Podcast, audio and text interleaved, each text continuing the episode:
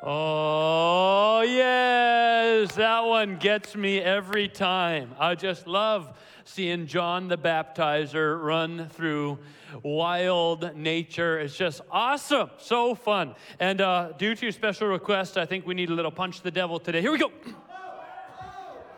So, uh, gotta you gotta stick with me fast. Like if, if you're gonna if you're gonna catch up with with what we're doing around here, you gotta pay close attention. It just all of a sudden comes and you might have missed it. If you stayed a little long after and didn't listen to the announcements and you're just getting back to your couch right now to see what's going on, you just missed a punch the devil and uh, it's not coming back again for a while. So uh, you're going to have to watch your reruns, play it back, roll it back. What's the, what is the thing they say? Run it back, run it back, run it back. There you go. Uh, hey, everybody. My name's Evan. If you don't know me, maybe you just stopped by, you're scrolling through, you showed up here.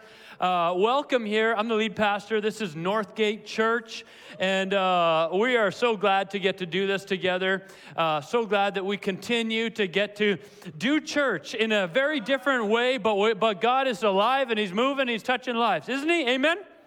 Amen. And uh, we get to be a part of it, and so I'm just so blessed and honored that I get to serve with this team of people. Wasn't the worship team awesome today? Can we thank the worship team wherever you are? Here we go. Let's thank the worship team. And our tech team, come on. Thank you, tech team, for all that you do.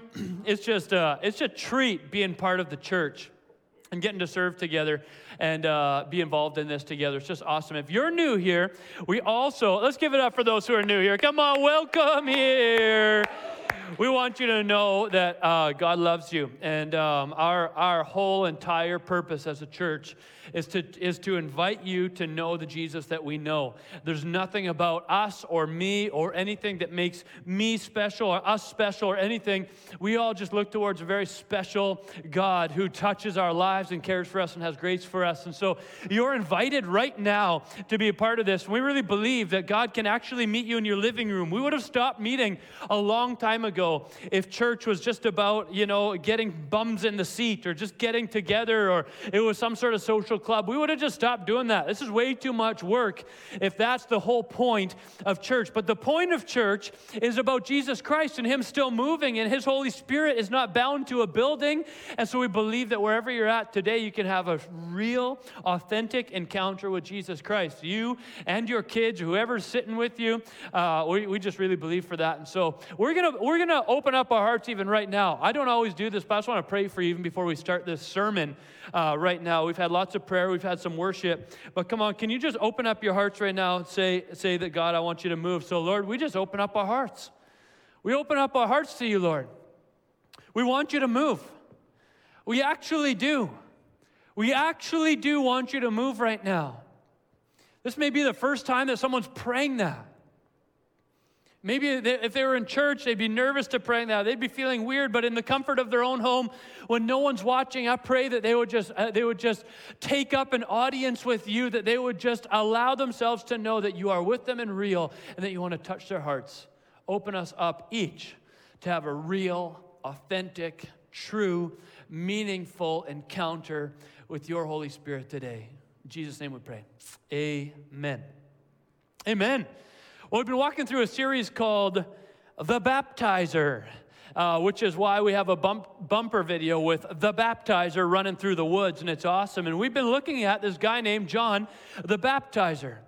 And this is an important character in Scripture because no one uh, of the four Gospels, Matthew, Mark, Luke, and John, who all tell the story of Jesus, like the Old Testament tells pre Jesus, Acts of the Apostles, and the rest of the New Testament tells post Jesus, the four books of the Bible that talk about during Jesus, when Jesus is there, all of them have John the Baptizer right at the beginning. And so we got to look at John the Baptizer and figure out what is this guy all about? Why is he so important? We found out two weeks ago that he had this calling of God that he just knew that there was this calling placed on his life. And it was before he was ever even born, God had placed this plan and purpose in his life. And he was meant to turn people's hearts towards, uh, towards God, that he was going to turn people around, that he was going to live this specific life. And then last week we talked about how that would have looked in his kid years and teenager years and sort of trying to process what does it look like for me to live a calling amongst people who maybe aren't living that same calling? What does it look like for me to separate myself from the world that I want to impact? What does it look like for me to look a little bit different and be a little bit different? My church friends don't think I'm normal. My not church friends don't think I'm normal. And now I'm starting to wonder a bit about myself. Am I normal? And yet I feel like God is calling me to a different kind of life. That's what we saw with John the Baptizer last week. And then this week we're going to look at so, what was the message that he was actually saying? Here he is in the wild. He's got his camel hair outfit, leather belt on. He's eating locusts and honey, and he's living in the wild. And eventually, we're going to see that people are going to be coming out to him. Next week, we're going to talk about his influence. But this week, we say, what is the message that was so compelling, that was drawing people out into the wilderness to come and hear what John the Baptizer had to say. This guy who, who, who seems so different than the rest of the world, because right now, let's be honest, if you knew there was someone running around in the woods uh, in a camel hair, leather strap, uh, eating locusts and honey, we, you probably, unless they had a really good message, you probably wouldn't go sit at their feet and listen to them. You might go like, you, you, maybe would try to find them like Sasquatch or something like that. You'd maybe like to write, write stories about them or mock them or laugh at them, but probably you're not going to go and be one of their followers, one of their people who listens to them unless there's something really compelling that they're saying. What is the message that they're saying? I had a friend this week. Uh, I was chatting with, with him, and he's been walking through a hard time he's a Christian friend, and, and uh, he just said to me, Ev, I just, I, have been asking God, what do, you, what do you want me to do? What do you want me to, uh, uh, uh, what, what do you want me to be at this stage in my life? And he just said, he felt like God said to him, prepare the way. Is John the Baptist's whole mission, prepare the way. Let's look at the scripture we've been looking at a few times. Uh, Mark 1 1 to 3 says, The beginning of the good news about Jesus the Messiah, the Son of God as it is written in Isaiah the prophet, I will send my messenger ahead of you who will prepare your way. A voice of one calling in the wilderness, prepare the way for the Lord, make straight paths for him. So, what is the message that needs to be spoken that prepares people for, for Jesus? If Jesus is about to show up, what's the message that people need to hear? If he's about to walk on the scene, if God's ready to move in people's life, what is it that the messengers of God need to be saying? What is it that those who are called by God to make an impact for God, what is it that they need to be saying to the world around them? And this is what, what, what we're seeing uh, in this moment. So, Mark's very first scripture, I, I want to take a second and just do a little bit of a biblical dive into this one. Because Mark's very very first uh, piece that he says in there, he says, as it is written in Isaiah the prophet. But then the first thing he says isn't written in Isaiah the prophet. He, he says, as, as Isaiah said, uh, and then he quotes someone else right away. And some people have said maybe he misquoted that or he didn't mean to do that or maybe he tried something else and he didn't get there. Well, I don't know what happened. But one of my favorite profs when I was uh, just starting uh, in some Bible school stuff, he, he blew my mind when he talked about this story. He called it a composite citation. He said, oh, this is, this is Mark's way of pointing everyone to the actual message of John, of helping everyone hear what was actually going on. Because if everyone just was sitting in a circle, like, oh, a messenger speaking in the wilderness, how cute and lovely, let's eat honey. Mmm, that'd be nice. But he goes, as it is spoken in Isaiah, and then he turns your attention quickly to somewhere else in Scripture. Where he turns your attention to is, is these, this scripture. It says, I will send my messenger ahead of you who will prepare the way. It goes back to Exodus 23. It goes to two spots. We're going to look at both of them really quick. Exodus 23 20 to 21. What has just happened is that Israel's been, in, uh, uh, been enslaved for 400 years. They just got set free from slavery. They got moved out into the wilderness when they moved out into the wilderness, they know they're going to the promised land. And as they're on their way to the promised land, God gives them all these rules on Mount Sinai. He gives them uh, how to build the tabernacle and how to worship me and how to follow me. And here's the, here's the festivals that you need to celebrate. Here's how to do your sacrifices. Here's how to treat these people and how treat these. Here's how we're going to do all of these rules and things like this. And then Exodus 23 20 to 21 says, See, I am sending an angel ahead of you. Come on, a messenger ahead of you to guard you along the way and to bring you to the place I have prepared. Very similar language. Pay attention to him. Listen to what he says. Do not rebel against him. He will not forgive your rebellion since my name is in him. And so, John, talking to all of these people who had come out to see him, he says, uh, Listen, I got to tell you something. This is really important. And, God, I'm not the first messenger that God has sent. God has sent messengers before. He sent one right after He gave you the law and was about to send you into the promised land. He gave you a messenger and said, Follow that messenger, listen to that messenger, hear what that messenger ha- has, to, has to say. And how did that go? Is I think what John would have probably been saying. How'd it go? Did you follow the rules pretty well? Did you like do everything that God asked you to do? If, if you've ever read the Bible, you know that's a big old. You did not follow the rules. You did not do what God asked you to do. You did not accomplish the, the things. God gave you a very clear plan and it, it did not happen. You failed in that one. What was God's response? Well, ha- you're going to have to wander around in the wilderness for 40 years. Finally, I'll give you the promised land. You're going to continue to rebel against me. You're going to continue to push against me. You're going to continue to turn to other gods. You're going to continue to treat people unkindly. You're going to continue to be greedy with your money rather than generous with your money. You're going to continue in these ways to to the point where eventually I am going to kick you out of the promised land. And so the next big moment in Israel's history is the exile from the promised land. It's in that spot that Isaiah is speaking when, he, when, when Mark quotes him, says, But he's coming back. He's going to bring you back. He's going to restore you. Then they do come back. They make their way back to the promised land. They, sh- they, they show up, and God said, I'll bring my glory there. Just follow what I ask you to do. Just live the way I've called you to live. Be a blessing to all nations. Treat each other this way. Follow these plans. And, and when you come back, I will, my glory will fill the temple again. You will be my people. I will be your God, and you will be a blessing to all nations. Unfortunately, they come back they fail miserably again. They drop the ball like crazy. They don't follow any of the rules that, that uh, God has asked them to follow. And so prophets start speaking against Israel. Malachi 3 1 to 2 is another. First, let me just remind you of what Mark says. Mark said, in the, uh, as it is written in Isaiah the prophet, I will send my messenger ahead of you. Here's Malachi 3 1 to 2. I will send my messenger who will prepare the way before me.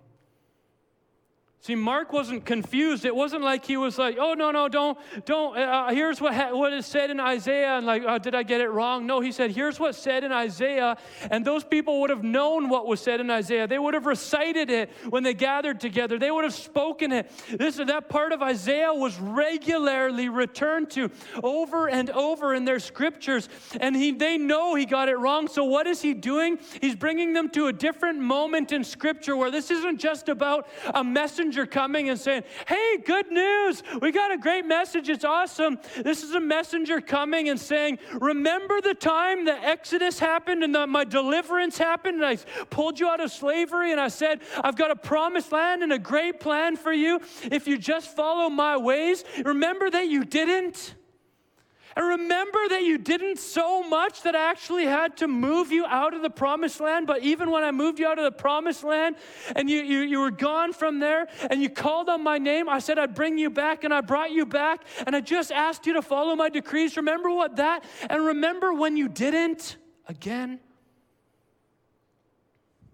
Remember when I loved you and you rejected me? Remember when I gave you a, a, plan for your life and you rejected it? Remember when I showed you the way you should walk and you walked in the other direction? Do you remember that? Remember when I sent a messenger and you said, No, I don't care about your messenger? Here's what it says in Malachi which Mark quotes, says, Suddenly the Lord you are seeking will come to his temple. The messenger of the covenant, whom you desire, will come, says the Lord Almighty. But who can endure the day of his coming? Who can stand when he appears? For he will be like a refiner's fire or a launderer's soap. By the way, that's just a sweet picture, isn't it? He's going to be like soap. like you, you're asking for God to come. He, when he shows up in the temple, he's going to remind you uh, that, that you've been walking away from him for all of these years. He's going to remind you of the plan that he had for your life that you still want to reject. See, you want God, but you don't want his, his lordship in your life. You don't want his leadership in your life. You don't want his direction in your life.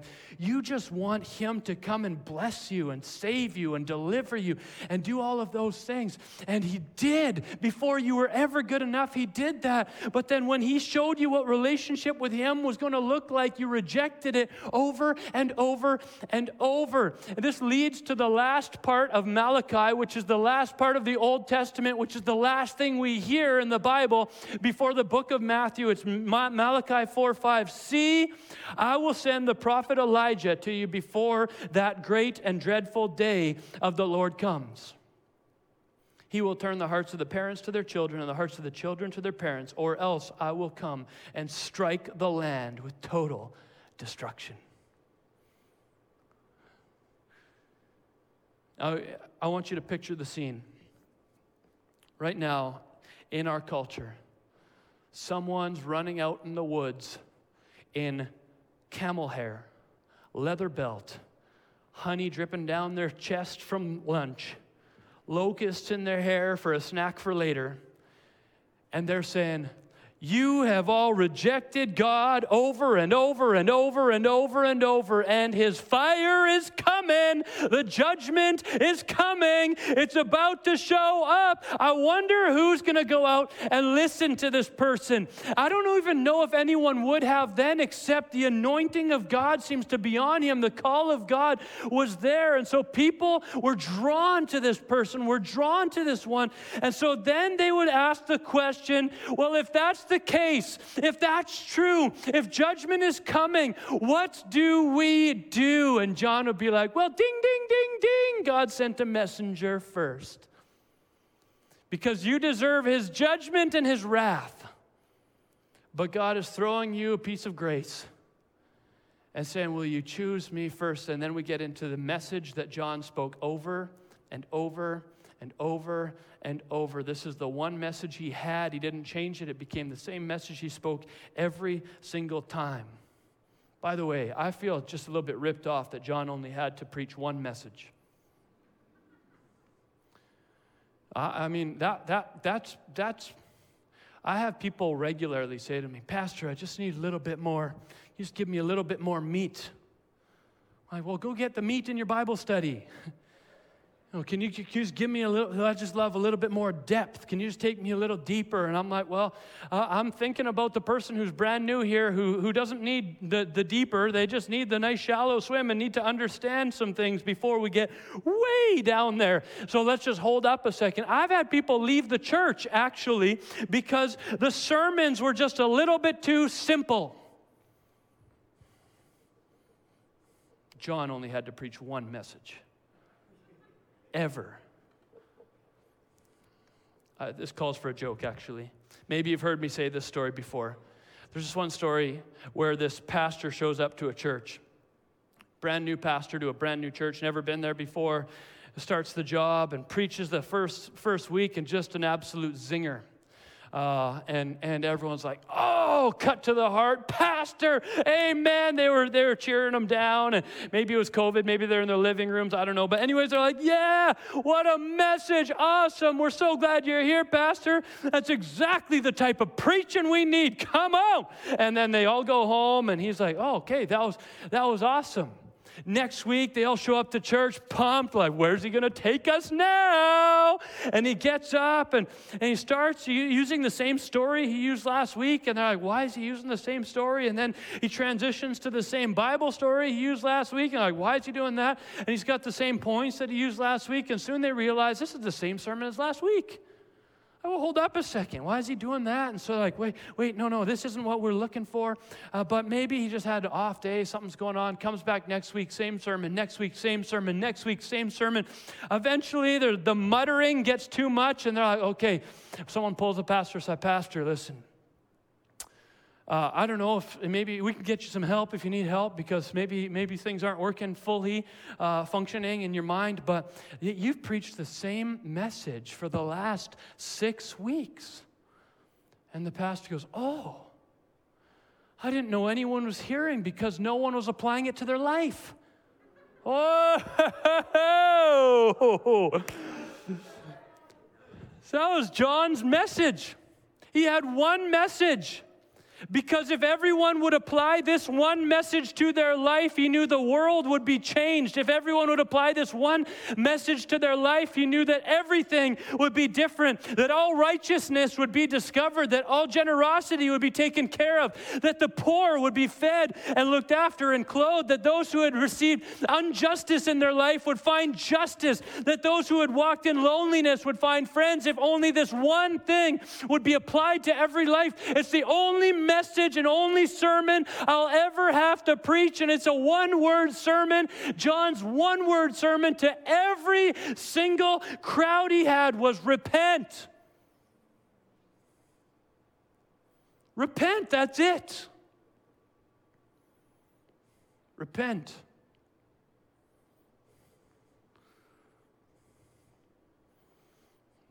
Yeah, there's a wrath coming of God. You've been, a, you've been choosing every other path in your life. Didn't mean to rhyme wrath and path.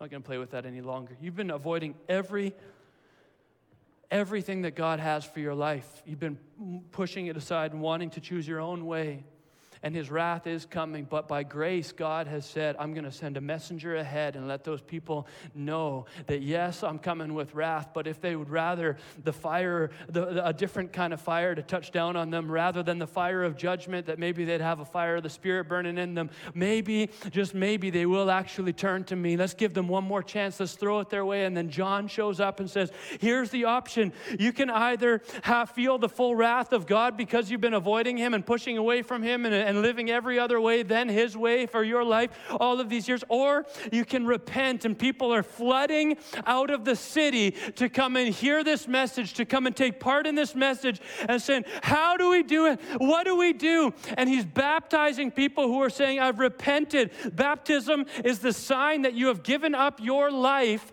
and you are living now in Christ, that your own plans die and you receive God's plan for your life. Your will dies and you you receive God's will for your life, everything that you thought you deserved dies, and you start thinking God deserves a whole lot more than you. The glory that you were living for in yourself dies, and you live for the glory of God now in your life. And, and John is saying, The wrath of God is coming, but repentance is yours. And if you want it and you want to give up your life, you can live for Jesus, and He's got a good plan for you. People are flooding out to hear about it. And we see a little bit more about repentance because in Matthew 3, verse 7 to 12, says John saw a different crew coming out. Said, but when he saw many of the Pharisees and Sadducees coming to where he was baptizing, he said to them, You brood of vipers, which in that time meant welcome, nice to see you. Just kidding. Who warned you to flee from the coming wrath? Like, well, you did. You're uh, the messenger. like, what, what are you talking about? who, who warned you? And so John's kind of like, wait, I thought the fire of God was coming, and I was kind of wanting to watch you burn. Terrible Pharisees who have made everyone feel like they're complete jokes and terribly unrighteous and completely unworthy for your entire life. I was hoping that you were going to burn. Get back to the city and go burn. Who told you to flee from the coming wrath? By the way, John's going to have to deal with that. That's two weeks from now. You brood of vipers, who warned you to flee from the coming wrath? And then he says this I love this piece produce fruit in keeping with repentance. Usually in Scripture, we think of producing fruit as a good, a good deed, something good that you do in your life. And we think of repentance being connected to bad things. Usually, when we think of repentance, we think of bad people coming to a good God. And, and that, that's sort of their thing. Yeah, you got to repent. Mm, I can't believe it. Wow. You have to repent again. Oh, wowzers. You're really a slave to that sin, aren't you? I'm going to go talk to my friends about that. This is, here's a terrible slave to the sin over here. Anyways, we usually think that that's the bad person, and, and the good person is the one who's producing fruit. John puts them together here. He says, produce fruit fruit in keeping with repentance. In other words, the bad people are not the, the ones who do the bad things. The, the, the bad people repent and start doing the good things. The good things flow out of people who are bad. And in fact, there is, uh, here's a good, new, good news for you. Anything that has pleased God, anything good that has been done for God, that has glorified God, has been done by bad people saved by a good Savior. Nothing can please God outside of faith. The Bible Bible teaches us that anyone who has done something pleasing to God has not done it on their own strength, but on His. How do we get His? John's one liner repent. He says, and do not think you can say to yourselves, We have Abraham as our father. You're welcome, Rob. What, what he's saying by that is, is that there's this idea, and it was a biblical concept until God corrected some things. There's this idea that if you were from the right family, you were the inheritors of, the, of God's blessing in your life. And so these Pharisees would walk around and say, Excuse me, my blood is connected to Abraham's blood, and so that means that I am good and you're terrible. Get out of my way. And they'd walk around and telling people all this stuff. And, and John says, Listen, don't, you know, don't go ahead and telling people that. He says, I tell you that out of these stones, God can raise up children of Abraham. Today I went to the beach. And this is a rock. I love what John says about this rock. He says this rock has as much has more potential to be spiritual than those Pharisees in that moment. He says, God could raise up a child of Abraham out of this rock. But he hasn't raised one up from you. You have tried to live in this entitled position that's made everyone else feel terrible.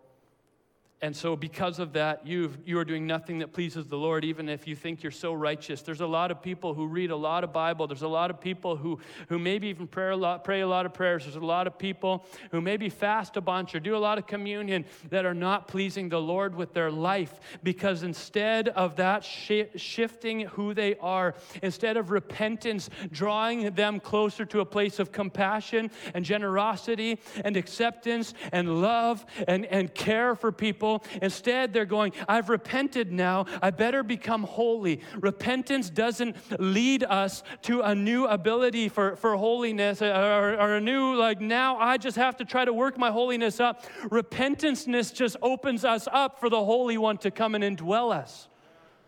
Repentance only allows us to let holiness come and be a part of our life. Repentance doesn't cause us to become now good enough to be holy or better than anyone else. Repentance only allows us to accept that because of our not good enough and not better than anyone else, we can empty ourselves of our own ambitions and welcome the ambitions of God to move us into a new life. He says, I tell you, these stones God can raise up for children of Abraham. The axe is already at the root of the trees, and every tree that does not produce good fruit. Every, in other words, the ones that do not produce fruit in keeping with repentance, do not produce fruit that comes from the Holy Spirit. Those who do not produce fruit will be cut down and thrown into the fire. I can imagine these people saying, Well, well what, uh, what do I do then? What does the fruit look like in my life? How will I repent? How, how will I do this? And the first step, John said, and also Peter said later on, if you've repented and you haven't been baptized, that's your first step. What should I do? What's the fruit going to look like? Make it public. Let people know. Get baptized. If you if right now you say I've repented of my sin, I've connected myself with Jesus, I'm following him and I want to go after life with him. I, am going to heaven because he's taken me there, not because my good deeds are taking me there. If that's you in your life right now, the first thing John the baptizer would say to you, as well as the first thing Peter would have said to you, is now is time to get baptized. That's the first little piece. But then everyone else is also saying, okay, but but but what do I do? How do I do this? And and G, uh, John actually starts going through that to the crowd. He says, okay, if you have two shirts, this is in Luke 3, if you have two shirts, uh, uh, two helpings of food, you give one helping of food to someone else and one shirt to someone else. That's what you do. You don't keep more than you need and you give, give away to people. You care for people. You look after those around you. A tax collector says, Well, what about me? What should I do? I, have been bad my whole life and I've been taking people's money and I've been skimping a little bit from my side. I've got a big house and all this stuff. What should I do? What will repentance look like in my life? And he says, Don't collect more money than you need. Well, the soldiers say, Well, hold up. What about me? I've been using that power. I've got authority from, from Rome. I've been, I've been pushing people down. I've been treating people terribly. I've been, I've been, I've been uh, using my power to, uh, to extort. I, I haven't been who I should be. And he says, well, just don't extort money or accuse falsely. Stop abusing your power. If you have power, use it for the right things. If you have money, share it. If you've got possession, let it figure out how that can be shared amongst other people. This is what repentance is going to look like in your life. Worship team, you can come on up. Then we jump back into Matthew 3:11. And when they're all saying, "Well, what do we do?" How, how, how, do we, how do we handle this moment? What does repentance look like? What, is, what does the fruit of repentance look like in my life? John says this. This will lead us into next week, which is going to be awesome. It says, I baptize you with water for repentance, but after me comes one who is more powerful than I, whose sandals I am not worthy to carry. I can't even touch his stinky shoes. Jesus' shoes never stunk. I take that back. It says, I baptize with water, but he will baptize you with the Holy Spirit and fire. Do you know what? I, God gave me this cool picture. Later on in Scripture, we're going to see this idea of, of when the Holy Spirit moves into our lives, we produce fruit. It's called spiritual fruit. And, and who gets the credit for spiritual fruit coming from our lives? It's God. Jesus Christ gets the credit for that. Well, how do we gain spiritual fruit in our lives? Because we just want to do good things. And, and often it's like, well, I just want to start to be good and, and, and, and do all this nice stuff. And I, I, I, I want to I wanna read the Bible. I want people to recognize me as a really solid Christian. I want God to recognize me as a really solid Christian. But John says, come to me and you can repent of your old way of life. You can be emptied of your ambitions, of your greed, of your shame, of your anxieties Empty yourself of your own ideas of how life should look. Empty yourself of your uh, frustrations and, and, and, and and unforgiveness towards people. Empty yourself of your entitlement. Empty yourself of all the things that keep you from choosing the life I, that God has for you. You can come to me and empty yourself of all those. Repent and be baptized. And when you rise up from the water, the, the, the one who I am preparing the way for is going to come. And when he comes into your life, it's not just about repentance anymore. Now it's about him coming and baptizing you with the Holy Spirit. And when the Holy Spirit comes into your life, you get new gifts, you get new power, you get new revelation, you're going to speak in new ways, you're going to experience new hope and new joy, you're going to see things with a whole new clarity. You will love people before they love you, you'll be generous beyond what you ever thought you could be, you'll be compassionate to those you couldn't have cared less about before, you'll be unified with the body of Christ, even though you used to criticize every act of your pastor. When the Holy Spirit comes and fills you, everything will look different in your life. That will be the fruit that God wants in your life. How do I get that fruit? Empty yourself. Yeah, but when do I fill myself up? You don't. Every good deed that comes from your life should be one that the Holy Spirit started and finishes. Those are the only ones that please God. Bible says it is impossible to please God without faith.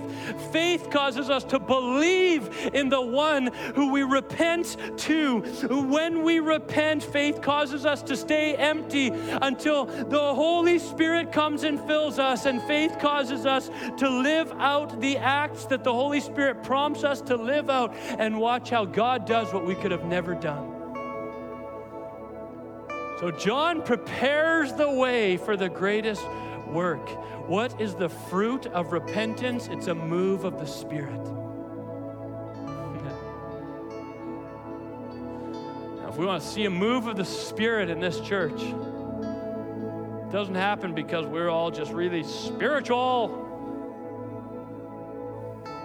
It happens because we emptied ourselves, we became vessels able to allow the indwelling of the Holy Spirit to come and just take over our lives. It happens because our repentance led us to baptism, which meant I died to my old life and I welcomed the new one that Jesus had for me.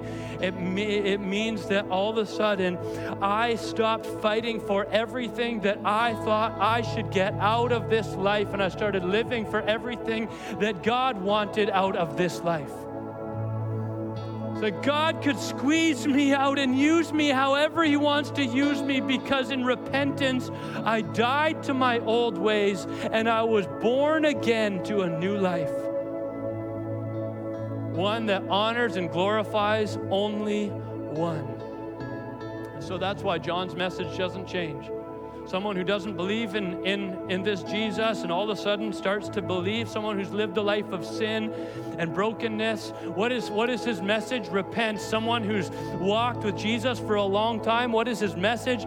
Repent. Someone who has read the whole Bible every year for the last 23 years, what does he say? Repent, right? Well, no, no, I'm kind of past that. It's time for me to go a little bit deeper. The only depth that you should have in your faith is that which the Holy Spirit does through you you, and it's because you learned that even your spiritual maturity and your biblical understanding didn't make you too good to empty yourself before the Savior of your soul.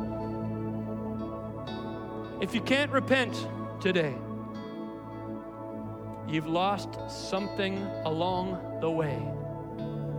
And in the story of John the Baptizer, the only ones who had a hard time repenting were called Pharisees because they were just a bit beyond that. Well, I'm not like the rest of these guys. I've been in church for a long time. I'm not like that. Today, I have one message for each of you. it's one word change your life. Even if you did that this morning, change your life tonight message is repent. I have kids. I can tell you without a shadow of a doubt that I'm closer to my kids right after they repent of a bad thing than when they never did the bad thing in the first place. Yet we try to hide away from God and pretend that we're good. He knows. He knows the truth.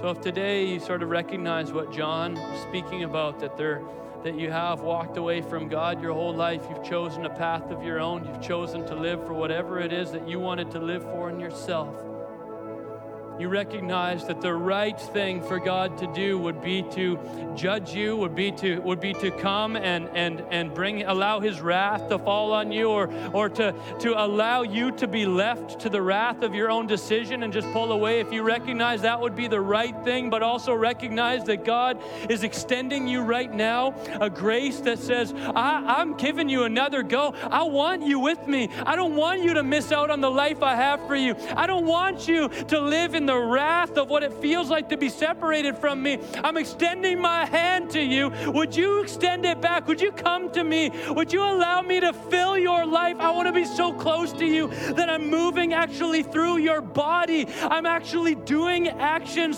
for you and helping you. If you want that, come to me and empty yourself out. Repent of all the things you've chosen to live for other than me, and then accept and welcome my infilling. Because I will fill you up and send you out. If that's you today, say, I need that. I want that. Oh, I want that. Ah, I'm with you today. just raise your hands like this in this moment. I know it's hard in your living room. I know it's challenging, but there's something about when we physically respond to the message. Jesus, thank you for that act of grace. We've walked away a million times. We've chosen our own path a million times. We've chosen greed over generosity. We've chosen entitlement. We've chosen judgment over relationship. We've chosen gossip over encouragement. We've chosen shame over, over love. And today you're saying, you don't have to have what you deserve. I'll give you something better. Lord, show us how to just pour ourselves out, empty ourselves of the things we've lived for, of the things we've chosen instead of you so that we might become empty vessels. Lord, thank you for the person who's sitting right in their living room right now saying, No, I'm not good enough for this. No, yes, yes, you are just as good as any other person. You are meant to do this right now. God wants to empty every little bit of you out, every shameful thing that you have done, every broken heart that you have left behind, everything that you've done, done that you feel like makes you too dirty right now. God wants to wash you clean. He's inviting you to just let that all spill out, pour it out, let Him know it. Confess your sin to Him. Confess your brokenness to Him. Confess the areas that you feel like you're not worthy right now because He's going to fill you up. He's going to give you a new identity. And when you let that part of you die, He's going to show you what real life is like. Thank you, Jesus. Thank you, Jesus. Thank you, Jesus. Thank you, God, that we never get beyond this every good thing is going to come from this life, is going to come because your Holy Spirit did it. And my job is to, is to let myself be emptied so that I might know the infilling of the Holy Spirit. So, Jesus, now as people have been emptied, I just pray for that in living rooms right now. Pray that your spirit would just come and move in hearts, filling up these empty vessels. Pray for revelation, words of encouragement. Pray for words of knowledge to show up, new gifts to, to enter into hearts. Pray for fruit, patience, kindness, self control where there hasn't been before, not because they try for it, but because your spirit does that work in an empty vessel. Touch them, Lord. Thank you for the gift of repentance. That we have the opportunity to come back into relationship with you, be empowered once again to live the life you've called us to live. We love you, Jesus. Lead us this week. In your name we pray. Amen.